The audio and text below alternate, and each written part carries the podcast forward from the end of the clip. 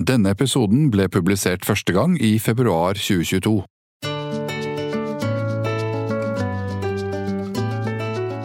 Hei og velkommen til Landbrukspodden. Er du opptatt av norsk matproduksjon og vil holde deg oppdatert på hva som rører seg i landbruket? Da er dette podkasten for deg. Mitt navn er Siv Iren Mo, og i tillegg til podkasten så jobber jeg med kommunikasjon i Norges Bondelag. I dag så skal vi snakke om den norske landbruksmodellen. Hva er det? Hva er bra? Hva er dårlig? Og hvordan fungerer den egentlig? Som vanlig så har jeg med meg en god hjelper som skal hjelpe meg å svare på spørsmål, og forhåpentligvis skal guide oss trygt gjennom temaet. Velkommen til Erling Aas Eng fra styret i Norges Bondelag. Tusen takk. Er du klar for å være eksperten vår i dag? Mm, jeg skal gjøre så godt jeg kan, iallfall. Ja, det er bra. Jeg tror vi starter helt enkelt, det. Eller enkelt og enkelt, det kan, kan andre få vurdere. Men hva er den norske landbruksmodellen?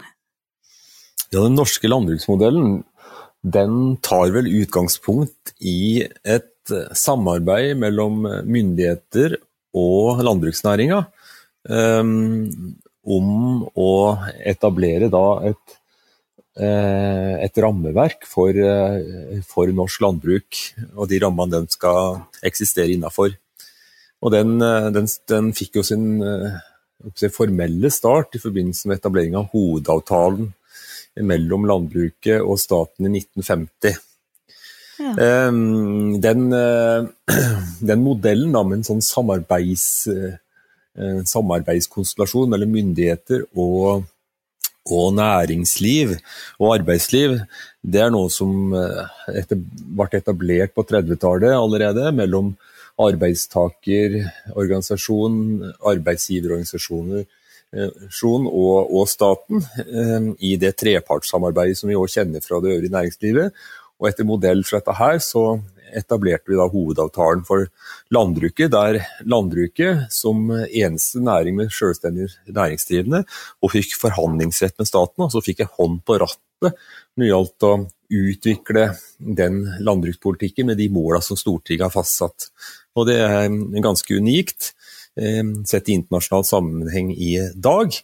Eh, men det er en del av det vi kaller for eh, korporativ pluralisme, med et fint ord i, statsvitenskapen, mm. der vi har en tett samarbeid mellom, mellom næring, arbeidsliv og, og, staten for å finne gode, omforente og balanserte løsninger. Ja. Så det er rett og slett en samarbeidsavtale da, mellom landbruket og staten? Mm. Men eh, den norske landbruksmodellen omhandler jo mer enn den, den hovedopp, hovedavtalen. Vi, vi, regner da den norske land, eh, landbruksmodellen å bygge på, bygge på fire stolper. Der den ene er juridiske virkemidler, altså konsesjonslovverk, jordlov, odelsråd osv., som regulerer eh, hvem og hvordan landbruksdrifta skal foregå. Den er styrende. Og vi har eh, tollvernet, som er en veldig viktig forutsetning for den norske landbruksmodellen. At vi kan også skjerme norsk, eh, norsk landbruk, som i utgangspunktet er ganske konkurransesvakt pga. Eh, den arktiske klimaet vi har, og, og, topografien i Norge. Det gjør det mulig å drive landbruk over hele landet, og da er tollvernet fryktelig viktig for det, slik at vi ikke blir konkurrert ut av eh, landbruksproduksjon som har mye bedre forutsetninger og kan gjøre det billigere enn det vi gjør. Den tredje stolpen handler om det markedsreguleringssystemet vi har, der samvirkeorganisasjonene i landbruket har fått en dedikert oppgave å sørge for at bonden skal kunne få avsetning for sin produksjon til gitte priser. Det gir jo stabilitet både for eh, bonden, men det har også gitt stabilitet for forbrukeren. Så, så um, det er en eh, sak som har flere sider. Og det var jo en viktig forutsetning for den hovedavtalen, at den skulle balansere hensynet til både landbruket, men også forbruk, eh, forbrukeren i Norge. Og Den fjerde stolpen er da jordbruksforhandlingene eh, med staten, der jordbruket forhandler med staten om oppnåelse av de måla for jordbrukspolitikken som Stortinget har fastsatt.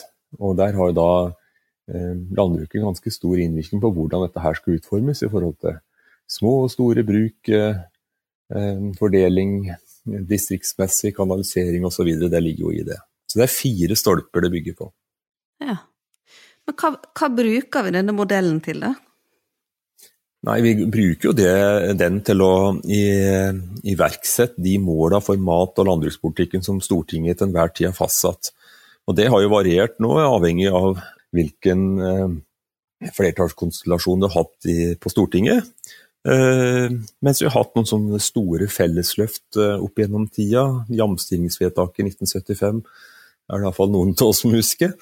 Og, og, vi har hatt flere landbruksmeldinger da, som har satt retning for, eh, for, landbrukspolitikken, vedtatt i Stortinget. Og Det er da jordbruksforhandlingene sin oppgave å, prøve å nå de måla som Stortinget har satt for landbruks- og matpolitikken. Men vil jeg si at ved at vi har denne avtalen, så har regjeringa si, større makt over oss og kan bestemme mer, eller hvordan fungerer det? Ja, det var det, da.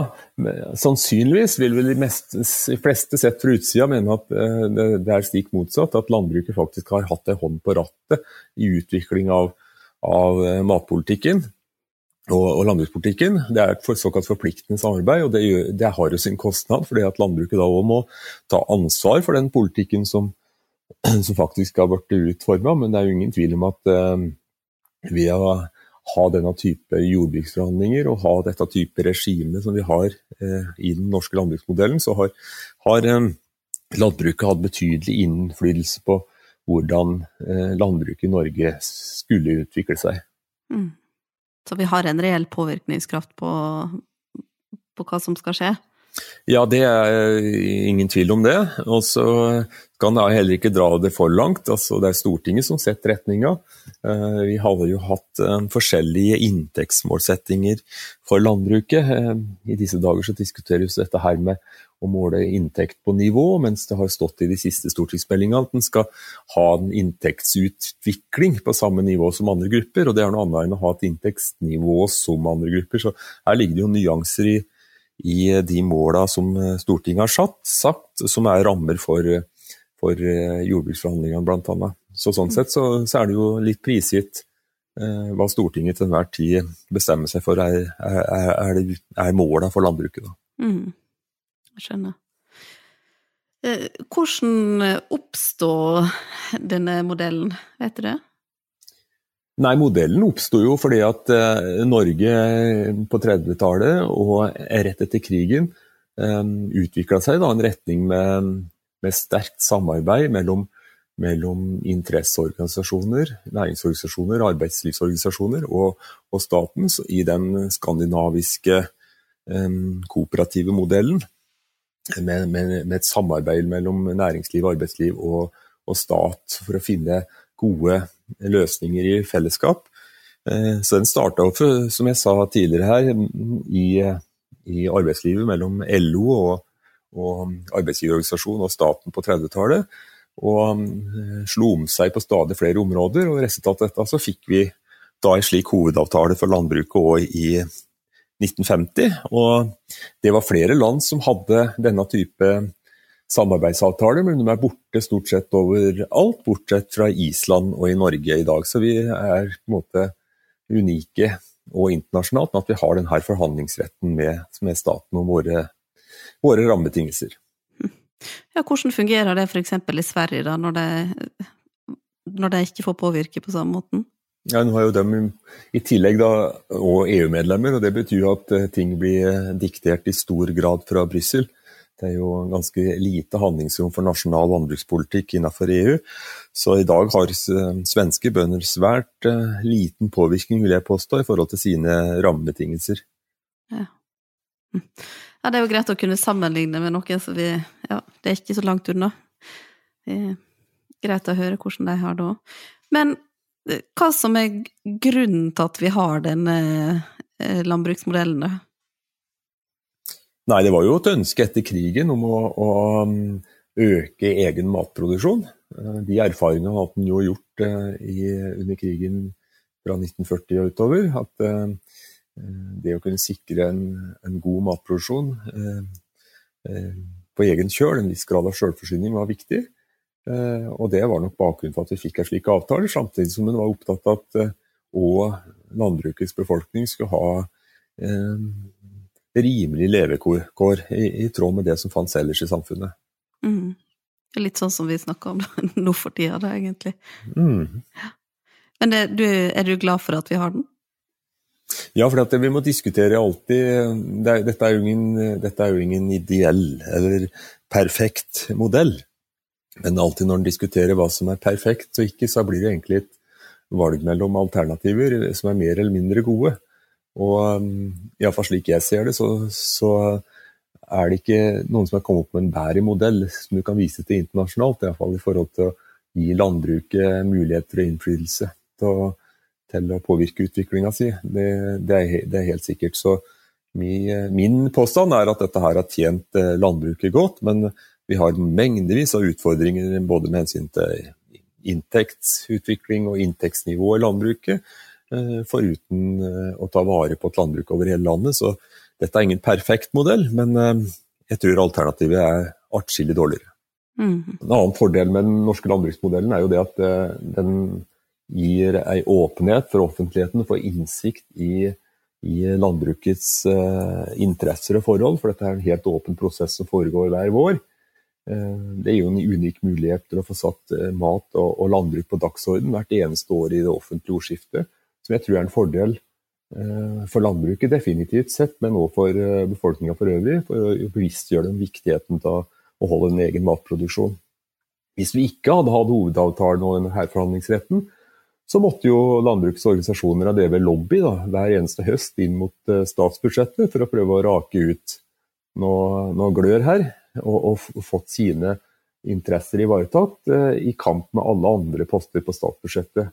Slik det er nå, så har vi forhandlinger på våren eh, der resultatet av forhandlingene blir eh, en, en, premiss for statsbudsjettet som kommer på høsten. og Det er en helt annen, annen situasjon. Og risikoen vil jo òg bli stor for at avgjørelser om landbruket, hvilke rammebetingelser landbruket skal ha, vil bli avgjort på lukkede møterom i stedet for i et stort offentlig ordskifte eh, på våren. Det ville jo absolutt vært et stede hvis vi ikke hadde hatt denne modellen. Så jeg, er, jeg tror det er veldig mange fordeler både for eh, oss som matprodusenter, men òg for opinionen ellers. Og muligheten til å sette mat og landbruk på dagsorden eh, skikkelig en, min, minst én gang hvert år. Men hva som ikke er fullt så bra med den, da? Den har sine begrensninger. Eh, det er jo en slags konsensusmodell. det vil Si at den krever jo en politisk enighet om at dette her er måten landbruket skal de rammene landbruket skal få utvikle seg innenfor. Men vi har jo de siste åra sett ganske mange angrep på denne her modellen. Ikke minst på de juridiske virkemidlene. Ønsket om å liberalisere eiendomslovgivninga, fjerning av odelslov osv. Som gjør at, eh, at eh, du kan rykke unna ett ben i modellen, og da vil heller ikke resten av modellen stå. Det samme gjelder jo mm, tollvernet vårt, som har sine begrensninger. Det var jo store omlegginger av, av um, importbeskyttelsen på 90-tallet i forbindelse med Uruguay-runden i WTO, da vi gikk fra et mengdebasert uh, importvern, der du fikk konsesjoner på import av produkter på mengdebasis, til et tollbasert importvern. Og mye av det importvernet vi etablerte da på 90-tallet på jordbruksprodukter, det var jo da satt i, i løpende kroner. Men eh, ei krone i 1995 er ikke like mye verdt som det er i 2022. Og det har jo betydd at eh, importvernet har blitt svekka over tid. Eh, samtidig som òg at internasjonale matvarepriser har hatt en fallende tendens. Eh, der det har vært sterk eh, effektivisering og og sterk strukturrasjonalisering i, i, i landbruksnæringa ellers i verden, da vi har prøvd å kanskje motvirke dette her på mange måter, da. Det spekuleres jo om forskjellige kommentarfelter på Facebook, men jeg syns at det har fanga opp at noen mener at denne modellen har blitt brukt for å holde bondens inntekt nede de siste 30 åra eller der omkring. Stemmer det? Ja, det skal ikke jeg si så mye om, det, om det, hvordan det har vært brukt. Det kan spørs alt avhengig av hvilket ståsted du har. Eh, det er jo sånn at denne modellen bygger på et samarbeid med, med myndighetene, der den skal forholde seg til Stortingets målsettinger. Eh, og det er et forpliktende samarbeid, så sånn sett så blir jo da landbruket òg forplikta av denne avtalen. Eh, og, og, sånn sett blir medansvarlig. Men så kan man da spørre seg om hva hadde alternativet vært? Hadde vi sett et landbruk som har sett bedre ut på mange måter i dag uten denne avtalen, og det tror jeg absolutt ikke.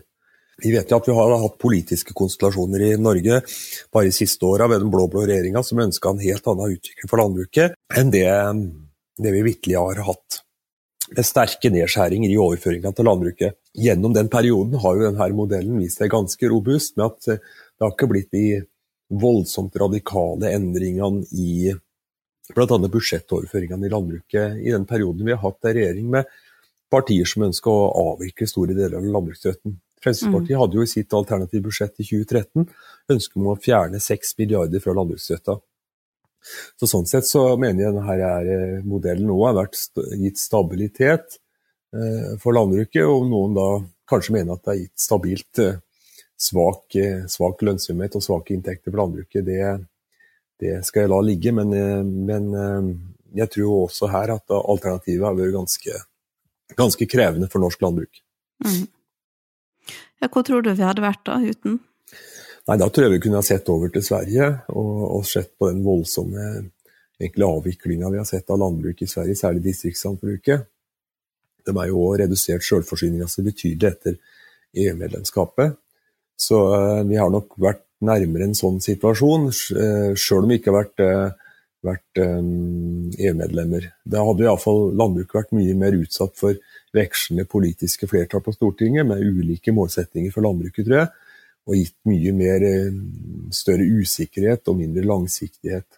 Mm. Det, det, tror jeg heva vår tvil. Eh, men eh, dette blir jo litt hypotetisk. Ja, ja nei, det skjønner jeg. Det gir jo en stabilitet da, som gjør at det er lettere å forholde seg til også for de som driver. Kan det i hvert fall høres ut som for min del. Og landbruket er jo ei langsiktig næring, men det vi kaller lange ledetider. Fra du bygger et fjøs og du får en kalv til du har ei ku som skal gi en ny kalv, som da etter 15-16 eh, måneder skal ha et ferdig slakt, så går det jo mange år. Mm. Så sånn sett så trenger jo landbruket langsiktige, trygge rammer for å kunne utvikle seg. Ja, ikke sant. Men hvis vi skal prøve å oppsummere det nå, hvis du klarer det på ei eller to setninger, hva er den norske landbruksmodellen først? Og så Hvorfor har vi den? Ja, Den norske landbruksmodellen den er kort oppsummert eh, fire eh, stolper som står på og hviler på. Det er juridiske virkemidler, et lovverk som regulerer bruken av matjorda vår, sikre at eh, matjorda vår blir brukt til landbruksproduksjon, og at den som sitter på den jorda, faktisk driver eh, matproduksjon. Og vi har eh, et, Den andre pilaren er jo da tollvernet, som sikrer oss at vi ikke blir utkonkurrert av mye rimeligere produkter fra områder som har helt andre forutsetninger for matproduksjon enn det vi har. Den er jo helt avgjørende for at vi skal ha en egen matproduksjon. Og kunne ta ut priser som gjør at bøndene nå kan få inntekter å leve av. Og vi har en regulering av markedet som sikrer avsetning for eh, produksjonen vår, og at vi kan ta ut de prisene vi vil i det norske markedet. Og til slutt da at vi har forhandlingsrett med staten om våre rammebetingelser eh, på basis av de måla eh, Stortinget har satt for eh, mat- og landbrukspolitikken. Det er den, den bygger på. Og, og, um, formålet med den er jo både å sikre bonden stabile inntektsforhold og muligheter til å ta ut inntekter på lik linje med andre i samfunnet, og samtidig sikre forbrukeren forutsigbare matpriser. Det er jo et interessekonflikt mellom forbruker og, og bonde når det gjelder pris. Bonden vil ha høyest mulig pris, mens forbruker naturlig nok vil ha rimeligst mulig matvarer. Det er forsøkt balansert i denne modellen. Mm. Det høres ut som eh, at det er bra at vi har den, men det, det kan, kan lytterne sjøl få vurdere. Jeg håper at dere som har hørt på, har lært like mye som meg i dag, for jeg syns dette er veldig spennende. Så tusen takk eh, til deg, Erling, for at du kunne være med som gjest. Og tusen takk til alle dere som hører på. Det setter jeg stor pris på. Mitt navn det er Siv Iren Mo, og du har hørt på Landbrukspodden, en podkast fra Norges Bondelag.